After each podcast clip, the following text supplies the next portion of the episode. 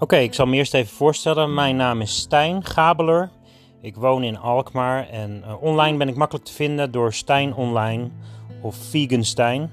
Het zijn een aantal namen die ik gebruik, maar ook sinds uh, 1999 was ik uh, met de naam Go Do Good bezig. Drie Engelse woorden die ik aan elkaar plakte: Go, Do en Good.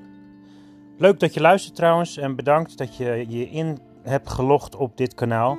Um, je kan natuurlijk altijd even een berichtje sturen of gewoon een mailtje of een WhatsAppje. Kijk anders op de site van Mijn Motivaties. En de eerste aflevering, waar gaat het over? Nou, het lijkt me handig dat ik iets vertel over mezelf en waar ik voor leef, wat ik van, uh, waar ik van geniet. De dingen die ik mooi vind in het leven. Dus ik ga gewoon even rustig uh, nadenken over de dingen die ik jou wil vertellen. Je mag me natuurlijk altijd een vraag stellen. Uh, ook voor de volgende afleveringen zou het leuk zijn als ik inspiratie krijg en weer nieuwe motivaties um, hoor, ook van mensen. Wat ben jij aan het doen in het leven? Het lijkt me heel leuk om in contact te komen met mensen. Dat probeer ik al uh, jaren. Als online journalist heb ik veel mensen ontmoet. Uh, wat ik dan doe is mensen soms weer filmen of fotograferen. En dat vind ik erg leuk. Ik geniet ook echt van het kijken van films.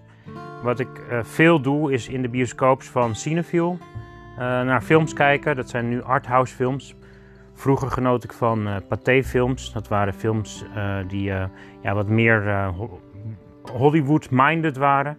Maar arthouse films gaan bijvoorbeeld ook over Turks of Scandinavische films of Franse en Italiaanse films. Maar gewoon ja, wat meer conversatie, wat diepgang, soms wat meer drama. En ook wel humor en romantiek, want daar hou ik ook van. Op Netflix kijk ik bijvoorbeeld nu naar Chesapeake Shore. Uh, het gaat over een familie die uh, het heel erg leuk hebben met elkaar, maar er gebeurt van alles. En uh, ja, het leven van een familie, dat is altijd wel leuk om te volgen. Daarom begon ik ook vandaag met een nieuw idee, een nieuw format. Dat is naast dit format, dus naast mijn motivaties, begon ik met mijn moeders mening. En mijn moeders mening is een idee om mijn moeder zelf te gaan interviewen, maar ook andere mensen hun moeder te laten interviewen en uh, de mening over je moeder of uh, de mening van je moeder te horen. En uh, ja, meer vrouwen aan het woord te laten gaan. Want wat ik vooral belangrijk vind is dat um, er mensenrechten zijn, dat er ja, dierenrechten zijn, maar dat ook de vrouwen nu zijn stemrecht hebben sinds 1917 al. Dat ze ook gewoon meer vertellen over wat ze denken en vinden. En het schijnt toch dat veel generaties op generaties nog steeds um, ja, een soort van beperking hebben gebracht in het uiten van je mening. Daarom ook mijn motivaties, want mijn motivatie is een uitbreiding daarop. Het zegt in feite, het is niet alleen je mening, maar het gaat ietsje verder. Wat motiveert je, wat inspireert je, wat activeert je? Wat zorgt ervoor dat je je blij voelt en waar je van geniet en waar je echt uh, vrolijk kan van zijn? En wat wens je nog? Wat heb je nog te, te willen en te wensen?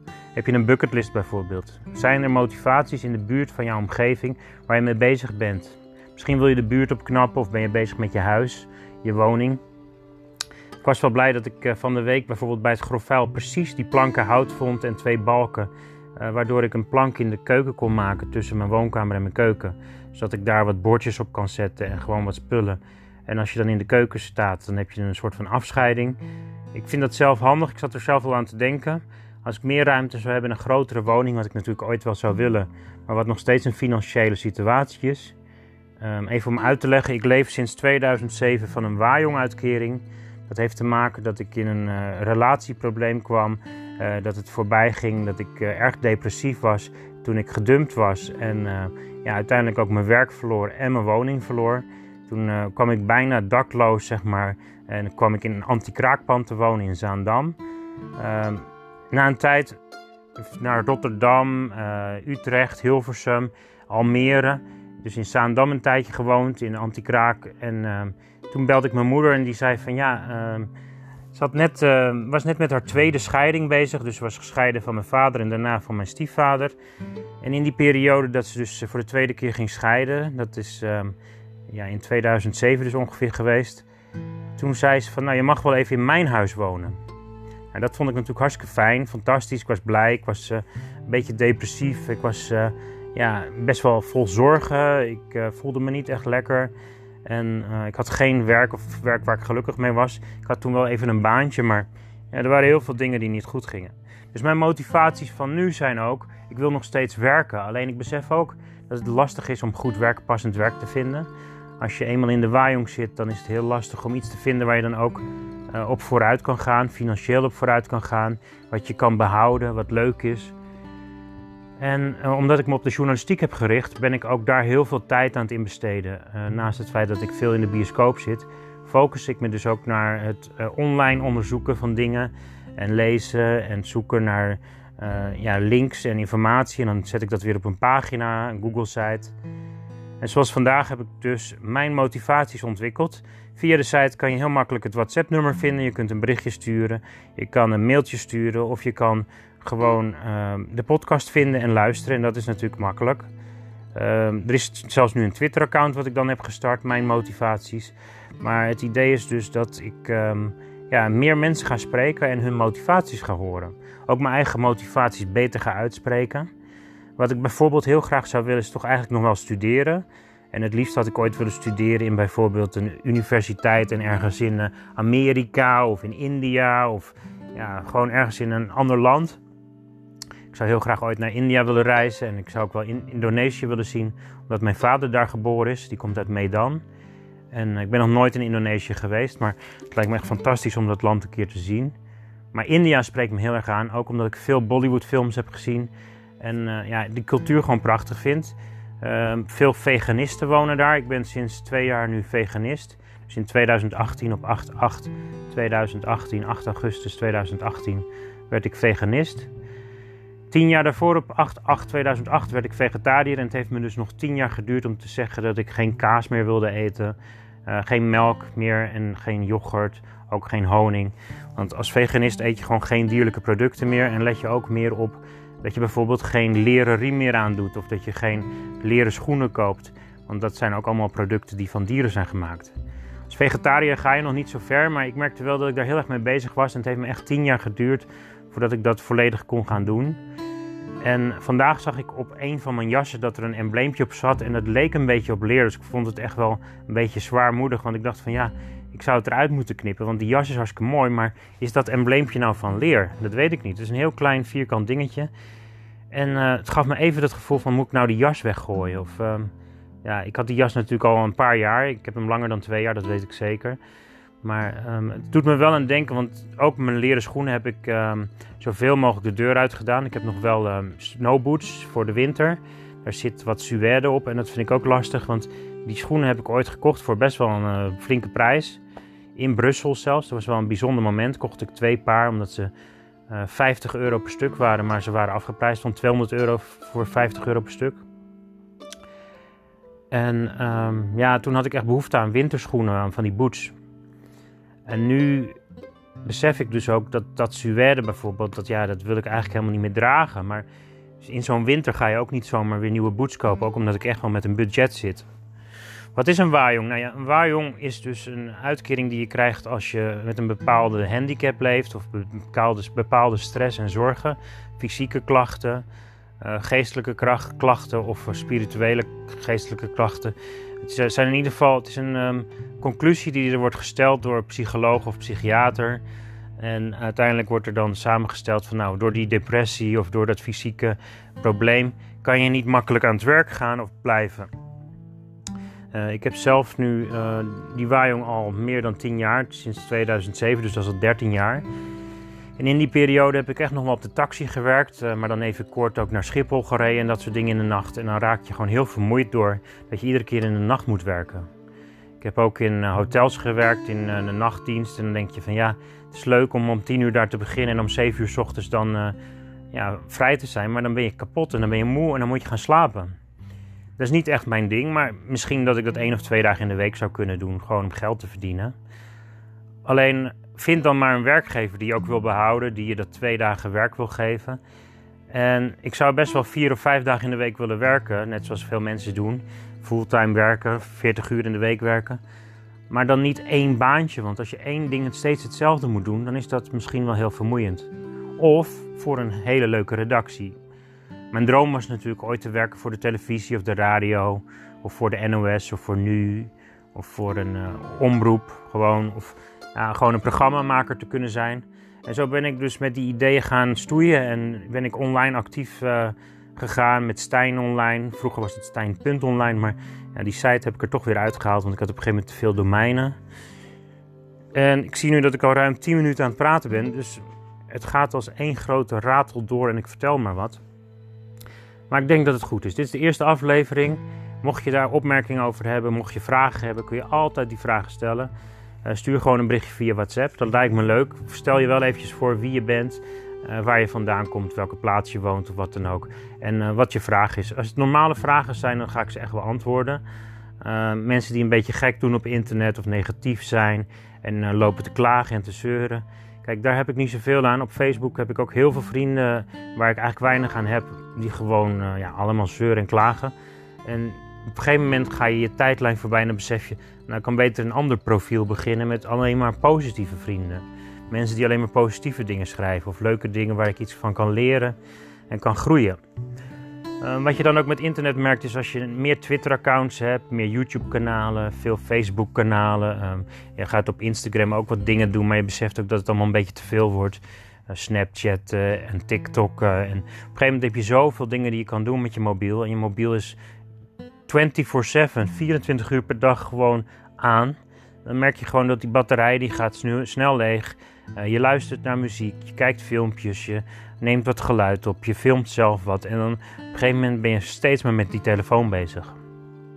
Dus wat ik zou willen doen is ook kijken of ik uh, weekenden of weken kan plannen met mensen. En dan in tentjes en festivals en dan zonder de mobiel. Volgende week, of deze week al, zit ik uh, de 16e tot de 21e volgens mij uh, in het Ecodorp in Bergen. En dan ga ik helpen. En als het goed is, ze koken daar vegetarisch. Maar ik kan als het goed is ook veganistisch gaan koken dan. En dan uh, kan ik daar gewoon eten. En dan kan ik mijn tent daar zetten. En dan kan ik gewoon helpen.